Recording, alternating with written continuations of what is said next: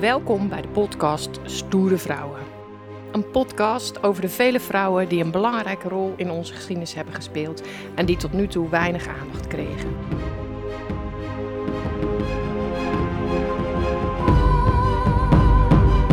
Stoere Vrouwen.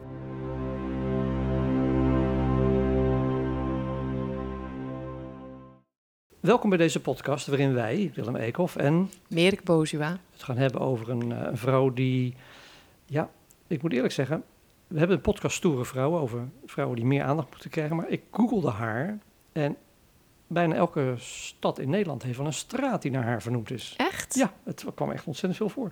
En over wie hebben we het? Maria van Bourgondië. Maria van Bourgondië. In eh, Hmm. Vlaanderen ook wel veel Maria de Rijke genoemd. Maar dat is dezelfde. Maria van Bourgondië.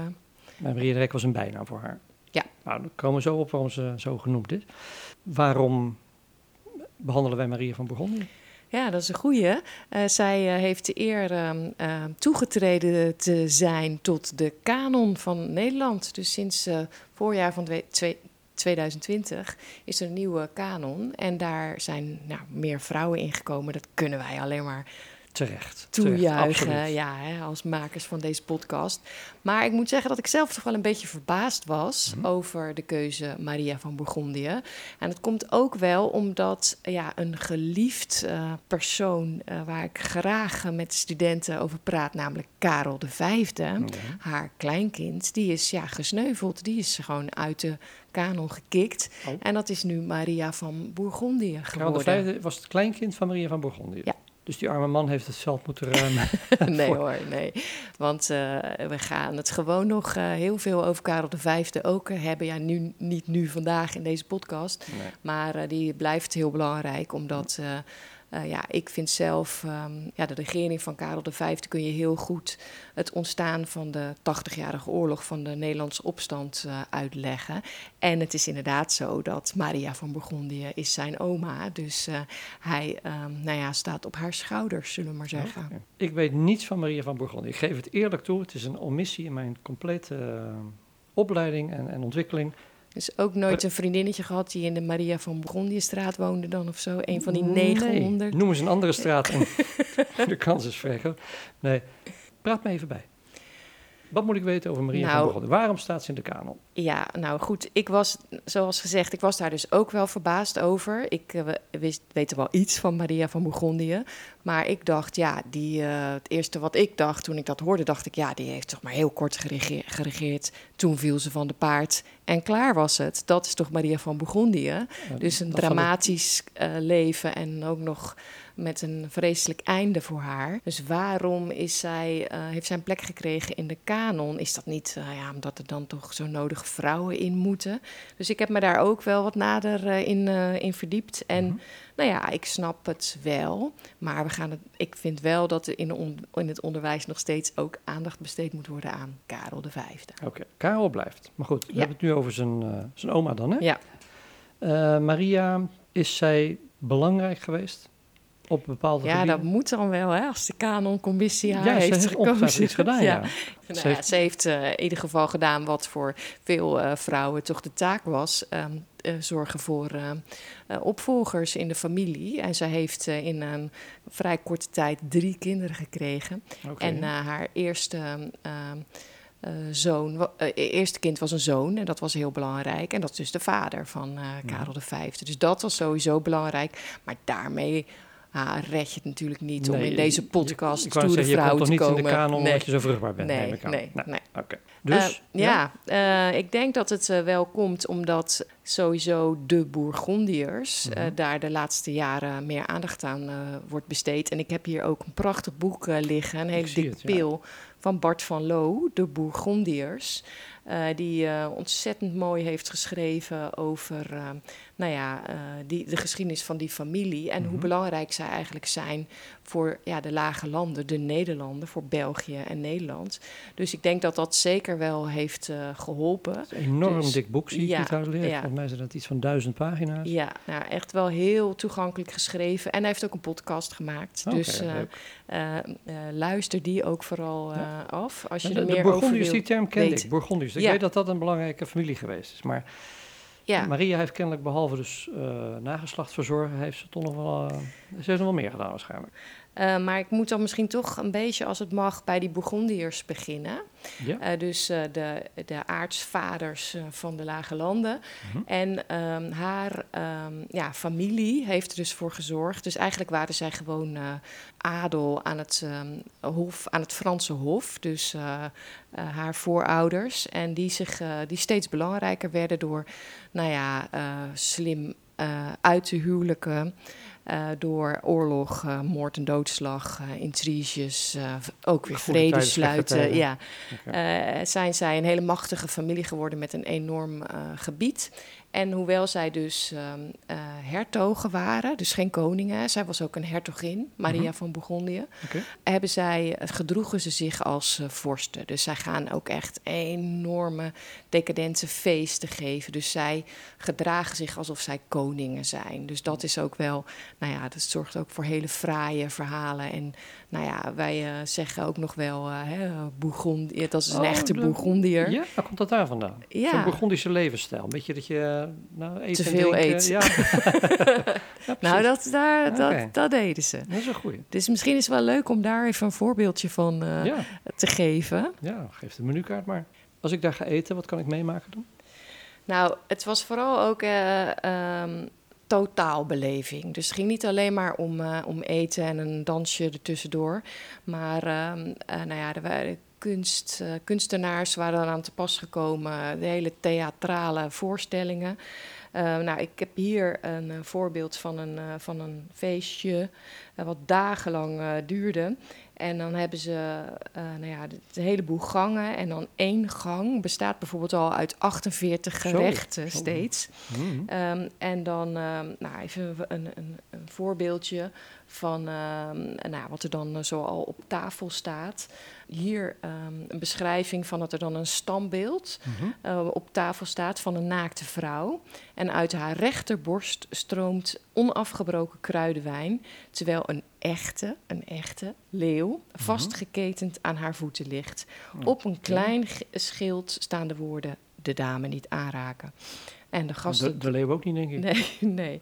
Nou ja, en dan ehm, gaan ze haar natuurlijk wel aanraken en eh, lekker eh, uit die borst eh, drinken. Hmm. Nou ja, ze eten dan ehm, nou ja, de meest uitzinnige gerechten. En op de tafel staan fonteinen die met diamanten zijn ingelegd. Eh, er, komt een- er komen reuzen, vuurspuwende draken. En dan ondertussen ook nog allemaal gigantische gerechten. Dus dat is ongelooflijk eh, luxueus. En dat is ja, ook een beetje een soort ja, propaganda. Ja. Van kijk ons eens eh, ja, Belangrijk, hè? belangrijk, Belangrijk en rijk zijn, ja. Ook al zijn wij dan niet de Franse koning. Dat is Maar- de maar bijna was ook. Maria de Rijke, zei je aan het begin.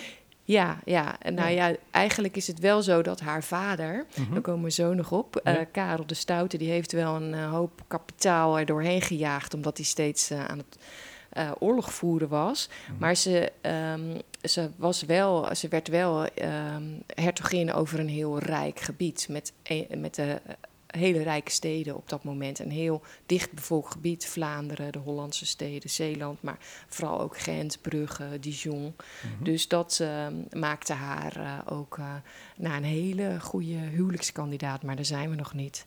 Die komt zo meteen. Nee. Eh, dus die, ehm, die Bourgondiërs, dus haar voorouders, die nou, waren dus ontzettend machtig geworden, bouwden de prachtigste paleizen, ehm, fraaie kunstwerken, de beste ehm, schilders eh, van die tijd hadden zij eh, in dienst. En eh, dan uiteindelijk, ehm, eh, aan het eind van de 15e eeuw, ehm, is Philips de Stoute aan de macht. Nou, na Philips de Stoute kwam Philips de Goede. En dan is het een gigantisch Bourgondisch eh, rijk geworden. En dan, eh, als hij eh, sterft, dan komt Karel de Stoute aan de macht. En dat is dus de vader van Maria van Bourgondië. Nou, dat is een eh, heel eh, doldriest, eh, wonderlijke eh, persoon... die ehm, eh, ja, heel erg veel oorlogen heeft eh, gevoerd. En dat eh, deed in de ook meest fantastische, gouden, glimmende uh, harnas. Uh, nou, daar kikte hij echt helemaal op. En als hij dus ergens een belegering ging uitvoeren, dan, dan ging er een, een decadente stoet Heel uitsloverig allemaal. Ja. Kijk, ons is rijk, zei ik. Ja. Nou ja, maar ook hij hield gewoon enorm van luxe. En zo was hij ook uh, opgegroeid. En uh, daar moest dus uh, ja, alles, je kon zo gek niet bedenken. Er, was, er werd wel gezegd dat er in zijn legerkamp was het luxueuzer dan in menig middeleeuwse stad. Dus wat dan dus voor een stad wat die aangevallen moet worden, dan denken wij toch aan modder, soldaten, ja, ellende. Maar dat was dus nou ja, met pracht fluweel, pracht en praal omgeven. Dus ja, dat kostte natuurlijk ongelooflijk veel uh, geld. Dus uh, zijn uh, devies, zijn lijfspreuk was: ehm, Ik heb het ondernomen. En dat heeft hij gedaan, ondernemen. Dus hij, ging, hij voerde heel veel oorlogen. en deze nou ja, hele ijdele man, die ook wel allerlei woede-uitbarstingen had, die nou ja, moeilijk was voor zijn omgeving, die had wel ook allerlei plannen uh, voor de hervorming van de regering en zo. Maar dat, nou, het viel hem allemaal niet mee om dat doorgevoerd uh, te krijgen. En hij maakte vooral eigenlijk ook onder zijn eigen, um, nou ja. Um, uh, in zijn eigen gebied maakte hij ook heel erg veel vijanden. En steeds was de vijand Frankrijk, sowieso. Mm. En hij, hij wilde wat hij wilde ook een kroon. Hij wilde een vorst worden. Dus hij zocht ook uh, contacten met um, de uh, Duitse uh, keurvorsten en de uh, Oostenrijkse keizer. En hij hoopte dus tot koning gekroond te kunnen worden. En hij zorgde nou, in drie huwelijken voor één kind. En dat was een oh. dochter. En dat was dus Maria van Bourgondië. was het een teleurstelling dat het een dochter was? Dat was het zeker. Uh, maar niet voor, voor hem viel het nog wel mee, maar vooral voor opa. opa? Dus, uh, ja, opa dus vond die, niks. Nee, die wilde natuurlijk een, uh, een, een mannelijke troonopvolger. Dus dat was wel beter in die tijd. En het was, ehm, er werd wel een groot feest gevierd, maar opa, dus Philips Philips de Goede is dat natuurlijk. Die um, weigerde ook te komen. Uh, oh. te komen kijken toen het babytje was geboren. Omdat het een meisje was? Ja, ja.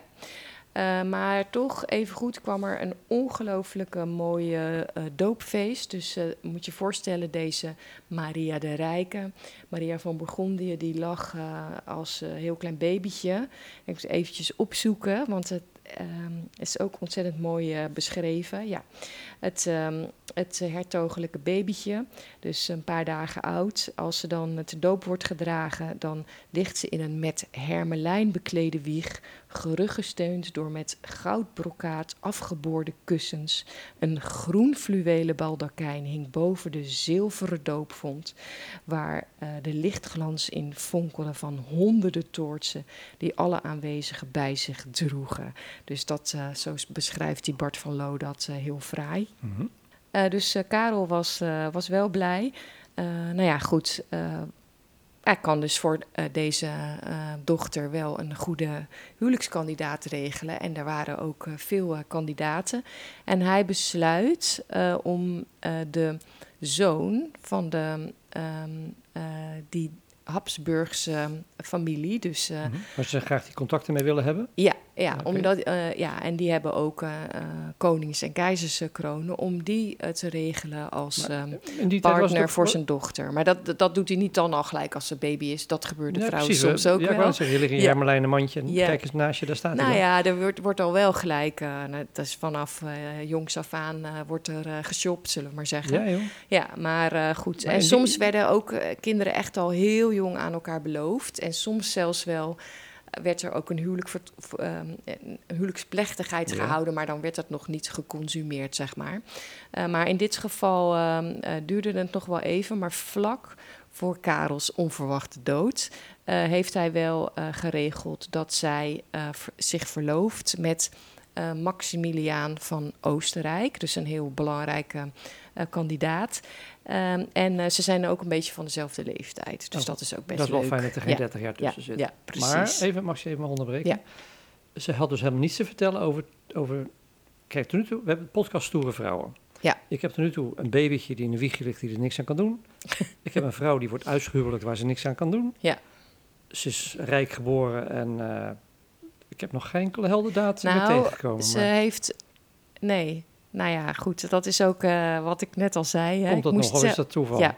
Eh, nee, ja, goed, het is ook inderdaad niet allemaal uh, dat zij nou zelf uh, hele legers heeft aangevoerd, zoals onze nee. Boudica. Ja. Maar het is wel met dat huwelijk, zij mm -hmm. had ook uiteindelijk wel anders kunnen beslissen, mogelijk. Dus, mm -hmm. maar goed, dat is wel zoals het wel ging voor haar. Ja, het was voor haar gewoon ook. normaal. Je, je, je, je werd uitgehuwelijkt en dat was uit landsbelang je hebt gewoon meer gebied nodig, dus jij trouwt met die Habsburgse prins of zo, want dan krijgen jullie het land erbij. Dus het zijn dat economische belangen, niet... Er wordt niet ja, uit, uit, ook, uit, liefde getrouwd. Nou, maar ook wel echt uit dynastieke overwegingen. Dus, uh, de dat bloedlijn er wel, moet voortgezet worden. Ja, en um, dus op een gegeven moment wordt er ook uh, inderdaad hè, uh, met neven en nichten en zo getrouwd. Ja, precies. ja, dus, ja, maar goed. beste gevolgen zijn. Ja, hm. ja. Um, ja, Maria ik weet gaat... niet precies hoe jij het zei. Maar uh, nou, laten we haar niet uh, gelijk te veel uh, tekort doen. Ja, laten we eerst nog even. Het, nee, ja, precies. Ja, vind ik het een beetje Maria ja. hoor. Maar... Ja, ja nou goed. haar vader is nooit thuis. Die is altijd lekker op, op veldtocht. Haar eigen moeder sterft als zij vrij jong is. Mm -hmm. en ze wordt um, opgevoed door haar stiefmoeder. Nou, dat gaat prima. Uh, dus de tweede vrouw uh, van die Karel uh, de Stoute. Margaretha heet zij. en um, zij, nou, ze krijgt wel gewoon een goede opvoeding. En haar vader probeert dus zijn gebied uit te breiden. Nou, hij overspeelt echt zijn hand. Hij krijgt ook nog oorlog met, raakt in conflict met de Zwitsers. En als hij nog maar tien jaar regeert en eigenlijk ook heel jong is, dan wordt hij verslagen. Hij, wordt, hij verliest eigenlijk, hoewel hij dus een enorm goed leger heeft, maar eigenlijk ook gewoon door ja, pech en uh, onhandige uh, tactieken, uh, wordt hij uiteindelijk um, in, um, in de winter, dus eigenlijk vroeg in januari, wordt hij verslagen en hij sterft echt op het ijs. En zijn lichaam is zelfs eerst ook nog verdwenen, dus ze zitten nog thuis in spanning van wat, is er, ja, wat is er met hem gebeurd. En nou ja, in januari 1477 dan sneuvelt hij dus um, in de slag bij Nancy. Okay. Dus dan is, op dat moment is Maria van Bourgondië is, uh, heeft geen vader meer. Nee, nee. En dan, um, nou goed, als duidelijk wordt dat hij uh, is gesneuveld, dan uh, ja, is er natuurlijk, ja, er is alleen een meisje, ze is 19 dan. Um, en ja, de Franse koning denkt zo, dat is mooi. Ik erken gewoon geen vrouw als troonopvolger. Dus er is geen mannelijke nazaat van Karel de Stoute. Dus die gebieden die zijn nu van mij. Oh. Um, en hij valt ook um, het, uh, bijvoorbeeld het Bourgondische kerngebied valt hij, uh, aan. Dus hij uh, begint gelijk een, een oorlog. En um, ja, dus is gelijk Maria in een heel lastig pakket. Ze heeft wel adviseurs natuurlijk. Mm -hmm. en, maar haar gebieden in Vlaanderen, die, ja, die steunen haar wel. Dus, er, dus in, in, in een aantal gebieden is het gelijk oorlog. Uh, maar um, om haar te steunen, daar willen ze wel wat voor terug. Dus die, uh, um, dat zijn dus machtige, hele machtige steden, allemaal machtige mannen. Uh, in, in Brugge, Gent, noem het allemaal maar op. En zij zeggen, nou, wij um, steunen jou wel en wij erkennen jou als onze... Ook al ben je een vrouw, ja, zeg maar? Ja, okay. ook al ben je een vrouw, inderdaad, als onze hertogin.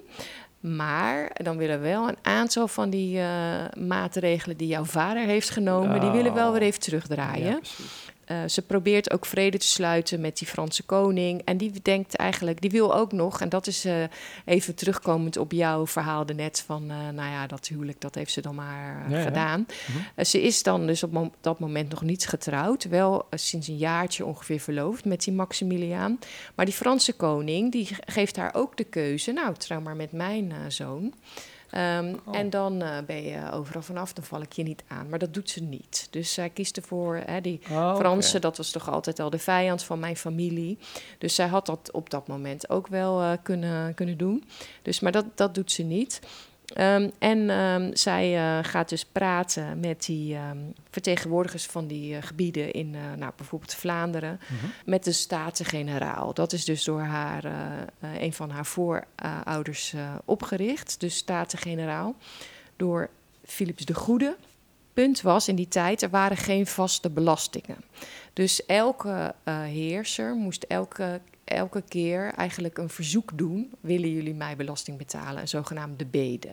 En die moesten ze natuurlijk wel betalen, maar dat was altijd wel een punt van onderhandeling. En hoe machtiger de vorst was, hoe meer die kon eisen, hoe zwakker, hoe minder of ze uh, voldeden niet aan hun verplichtingen. Dus dat was ook een mooi moment uh, uh, nou ja, om het daarover te hebben. En nou ja, ze beloofde haar wel ook financieel te steunen, maar ze wilde wel een aantal rechten. Mhm. um, en, dat, en dat is, daar komt dus ah, het ze, punt. ja, staat ze haar mannetje. Ja, waar, nou ja, ik weet niet of, misschien niet zozeer voor haarzelf, maar wel voor, voor latere staatsvorming eigenlijk. Mhm. Want ze uh, geeft die um, gewesten, uh, die, die staten, het zijn allemaal verschillende gebiedjes, ja. hè, dus Bourgondië, Zeeland, Vlaanderen, mm-hmm. die geeft ze allemaal weer um, ja, best wel de nodige zelfbeschikking. Okay. Dus, en ook het recht voor elk onder, elke onderdaan uh, om uh, zich uh, ja, te, te weer te mogen stellen tegen zaken die onrechtvaardig zijn. En dat was eigenlijk nieuw. nieuw. Ja. Okay. dus, is dat zelf verzonnen of is dat, komt dat uit zo'n zo'n zo'n adviseur? Ik, ik, denk niet dat ze dat zelf heeft verzonnen, dat, maar zij ehm, stond er toe. Ja, dus zij is de eerste die het uh, uh, toestaat. Dus ze had wel een uh, sterke ja. mening daarin. Ja, dus het was, hè, er was natuurlijk voor adellijke lieden was dat altijd allemaal al makkelijker. Maar nu was dus ja, als jij als gewone burger in het nadeel werd gesteld door de overheid, dan kon je daar dus ook nu individueel tegen ageren. En eerder was dat niet. En dat verdrag waarin dat in wordt vastgelegd, dat heet het groot privilege. Dus dat is wat haar is... Uh, bijzonder uh, maakt. En wat een ja, soort uh, oervorm is van ja, de afspraken die we. Daar wordt later op voortbeduurd. De, de verdeling van de macht tussen de vorst en de volksvertegenwoordiging. Mm. Waar ja, wat wij eigenlijk min of meer zijn. onze staatsvorm okay. borduurt daar ook dus nog steeds op voort. Die, die beslissingen die ze toen, toen nam, is dat uh, een van de hoofdredenen waarom ze in de kanon is geplaatst? Ik denk het wel. Dat groot privilege, dat is heel belangrijk. Dus uh, voor um, ja, de uiteindelijke staatsvorm die we nu hebben.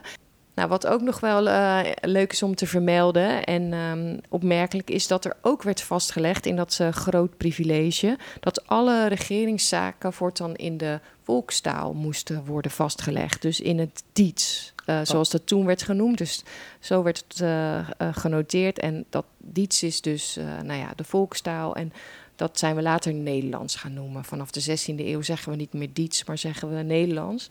Dus dat is ook nog wel een. Um, voor die tijd was het in het Frans of zo? Ja, in ieder geval uh, kon, kon, kon, van alles zijn. Ja, oké.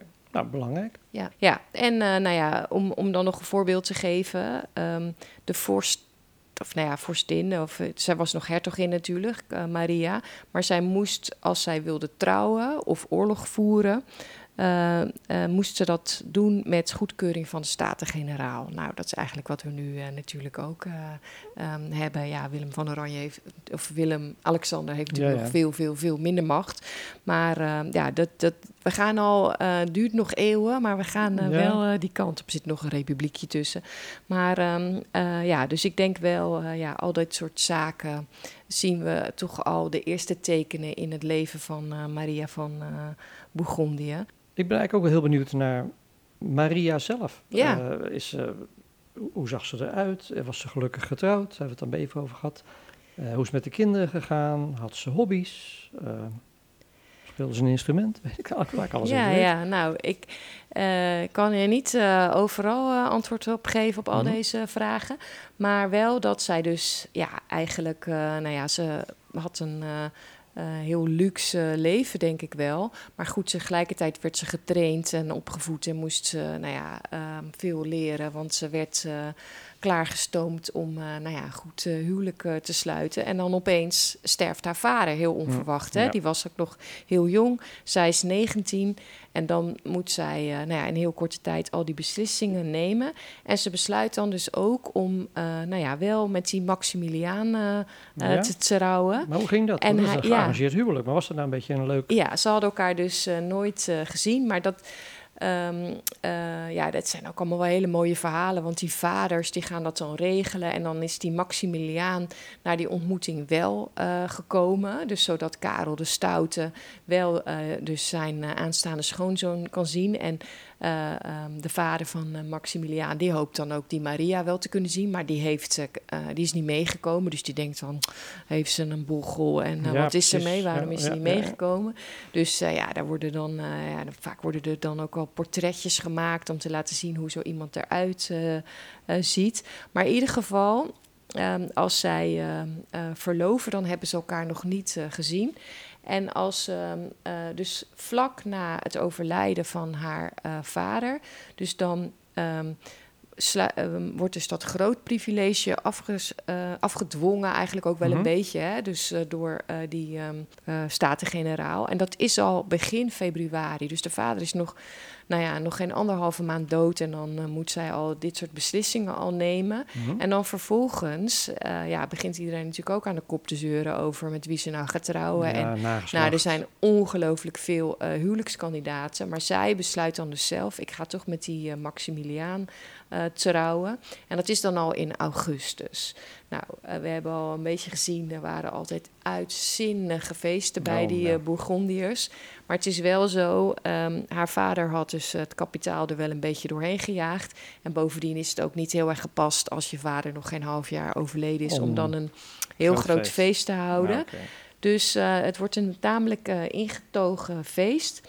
Uh, maar zij, uh, nou ja, zij, uh, ja, ze zien elkaar en ze vinden elkaar eigenlijk wel leuk. En Oh. eigenlijk iedereen, alle bronnen die daarover schrijven, uh, die schetsen het wel als een nou ja, goede, Oh. goede match. Gelukkig. En uh, we hebben ook een, um, een bron uh, waarbij Maximiliaan, echt vlak na zijn huwelijk, schrijft hij aan een vriend uh, over, zijn, over zijn vrouw. Mhm. En nou ja, dat is, gaan, kunnen we wel een beetje van uitgaan, omdat het gewoon aan een vriend is, dat hij uh, eerlijk is.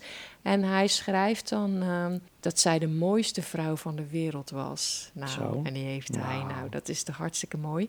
En uh, ze is zo mooi, dat schrijft hij ook. Ze had dikke rode lippen en een huid zo blank als sneeuw. Mhm. En dat allebei was echt in die tijd een schoonheidsideaal. Dus um, uh, nou, hij ze zijn heel erg uh, blij met elkaar. Um, en, wat, en het is ook nog wel grappig om je te realiseren dat ze in het begin dus ook helemaal niet met elkaar kunnen spreken.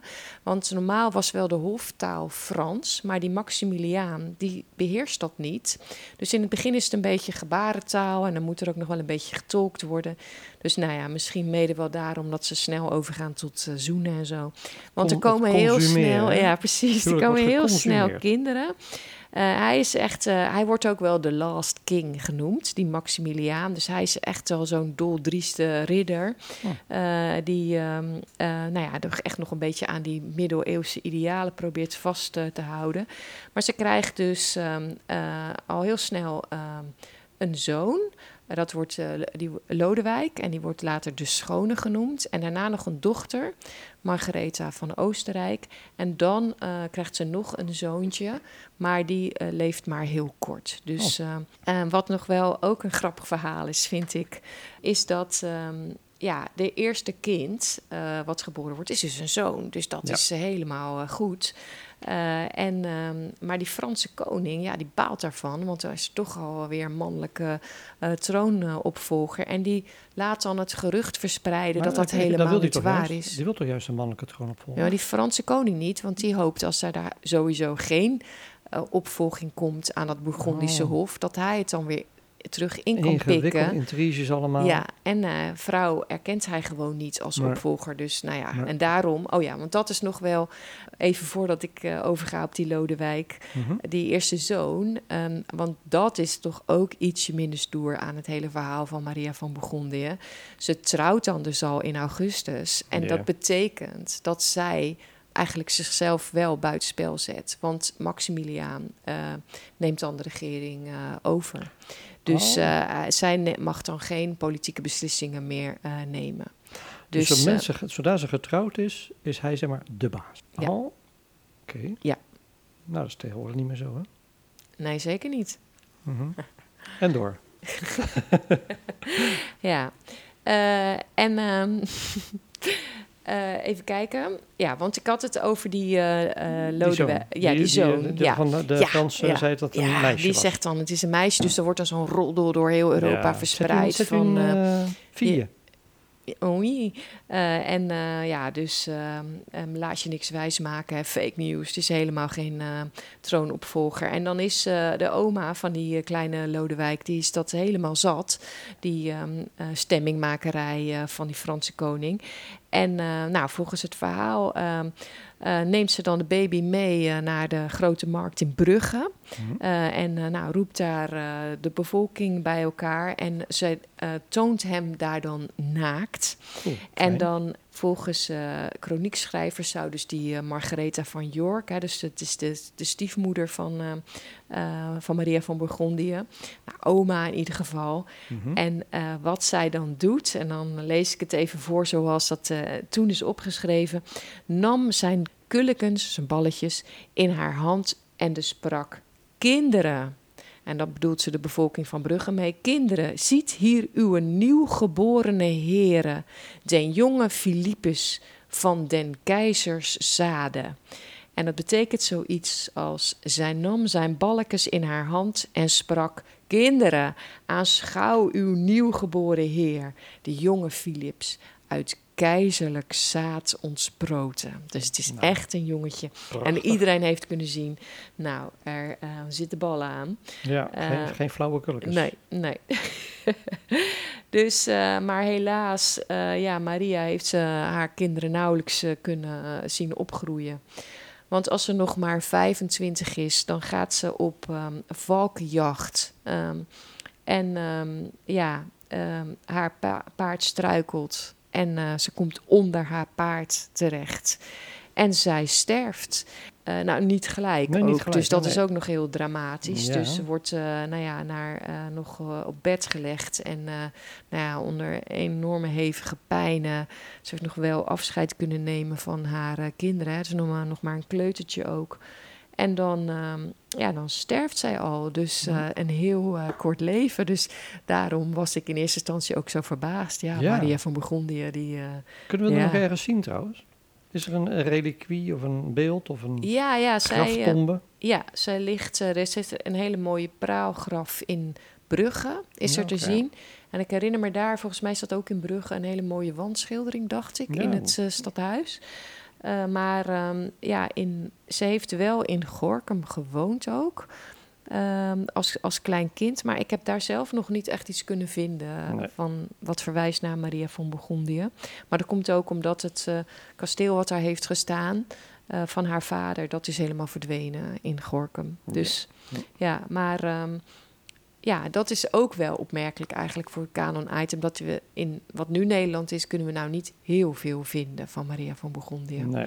Wel hier en daar hoor. En zeker ook omdat dan de hele stamboom van de Bourgondiërs bijvoorbeeld in mooie wandschilderingen of zo is eh, verwerkt. Ja. Maar niet heel veel. Maar ja, jij zei het. 900 straten naar haar Ja, genoemd. nee, het viel me echt op.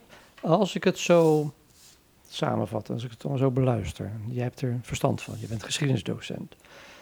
En we hebben dus Karel de Stoute hebben we opgeofferd voor Maria van Bourgondië. Nee, Karel de Vijfde. Karel de Ja, Vijfde. Oké, ja. we hebben Karel de Vijfde opgeofferd Maria van Bourgondië. Is dat nou alleen omdat ze een vrouw is? Is het nou echt zo? Wat heeft ze nou precies Ja, dat is wel een gewetensvraag hoor, Willem. Dat is echt Mhm. een lastige.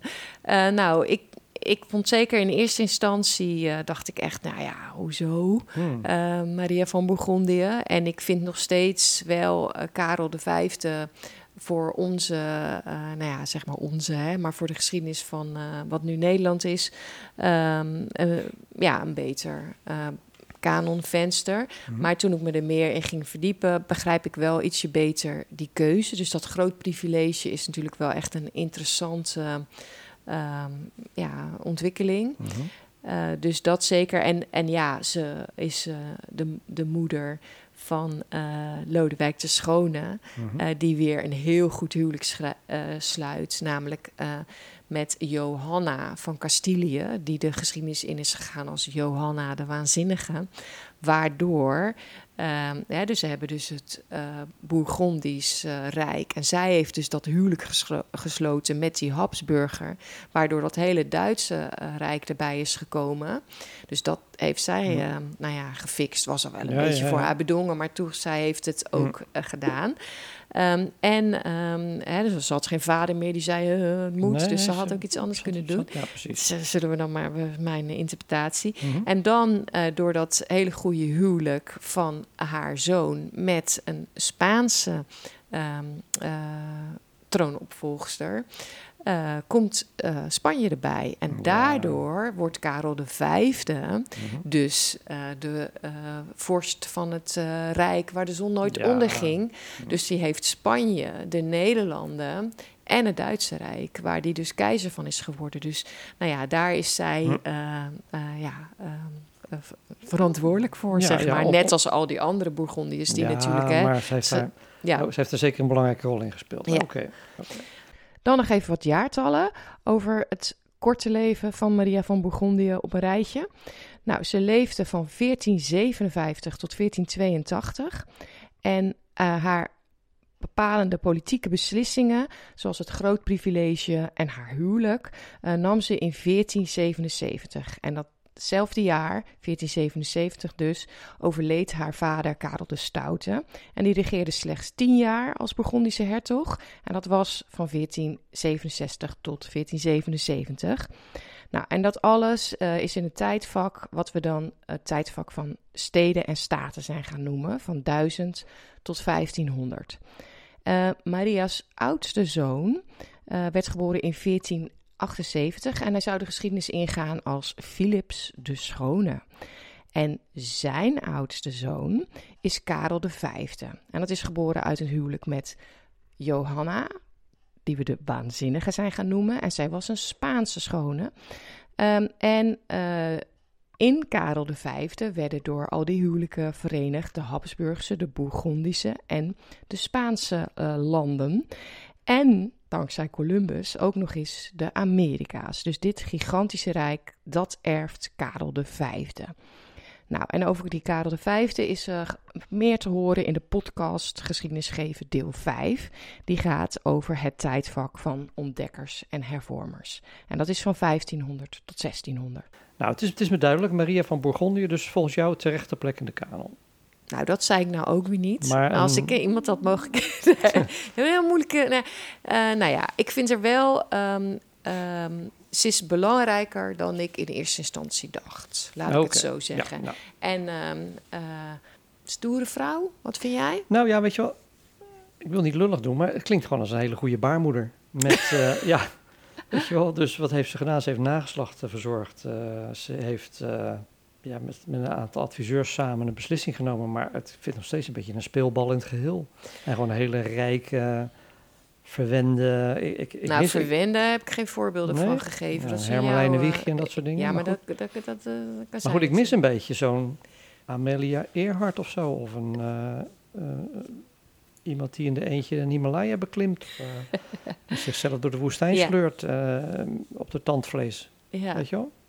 Ja. Ik vind het een beetje een nou, twijfelgevalletje. Ja, vind ik ook. Okay. Dus dan zijn we het eens. Nou, is ook wel goed om daar uh, ja, over maar, te zijn. Um, nou ja, ik denk wel dat het... Um, uh, ja, ze is uh, een kanonvenster geworden. Mm -hmm. Dus ik denk dat het fijn is als iedereen toch dan iets meer over weet... dankzij deze podcast. En ze was op veel vlakken een veel stoerdere vrouw dan andere vrouwen in haar, uh, in haar tijdsperiode. Ja, dat, dat vind ik ook wel een, uh, een ja, hele ze goede. nam toch eigen beslissingen. En, ja. uh, en ze ging samen met die Margaretha, ging ze dus inderdaad ook in die paar maanden dat ze dan aan zet is geweest, Ja. ging ze op pad en nam ze wel zelf beslissingen.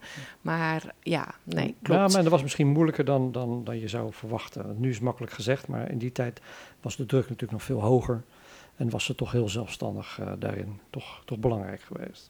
Ja, en het was echt wel ongebruikelijk dat zij uh, inderdaad uh, die um, privilege of die staten-generaal dan, uh, nou ja, ook denk ik zo in de eentje, nou in de eentje, maar te woord stond. Ja, ik weet ook niet helemaal precies, maar misschien moeten we wel weer op zoek naar een toch een tandje stoerdere vrouw voor de volgende ja, podcast. Ja, iets met, met overal een kaplaars of zo, ik weet niet.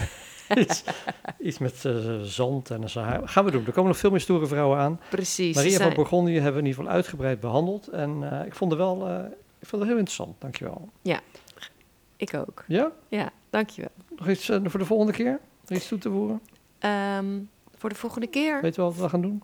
Nou ja, um, we, we, gaan uh, volgens mij, uh, we gaan uh, Hildegard van Bingen, oh. gaan, we, gaan we het over hebben. En Madame Curie, een wetenschapster.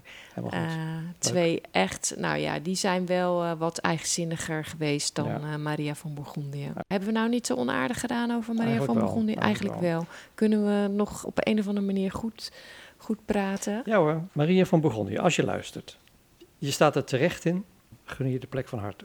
Ja, en je hebt wel die Franse koning lekker uh, beetje uh, nakijken gegeven. Dat is nog wel een goeie, denk ik. Precies. Want die dacht echt wel dat die, dat, ja, dat is misschien nog wel Ja. een hele mooie. Want die dacht echt wel zijn kans schoon te zien en dat is niet gelukt. En dan was het toch allemaal ook heel anders gegaan. Ik, uh, zij heeft nog goed bij zijn kulkens gepakt, denk ik. Ja. Tot de volgende keer. Yes.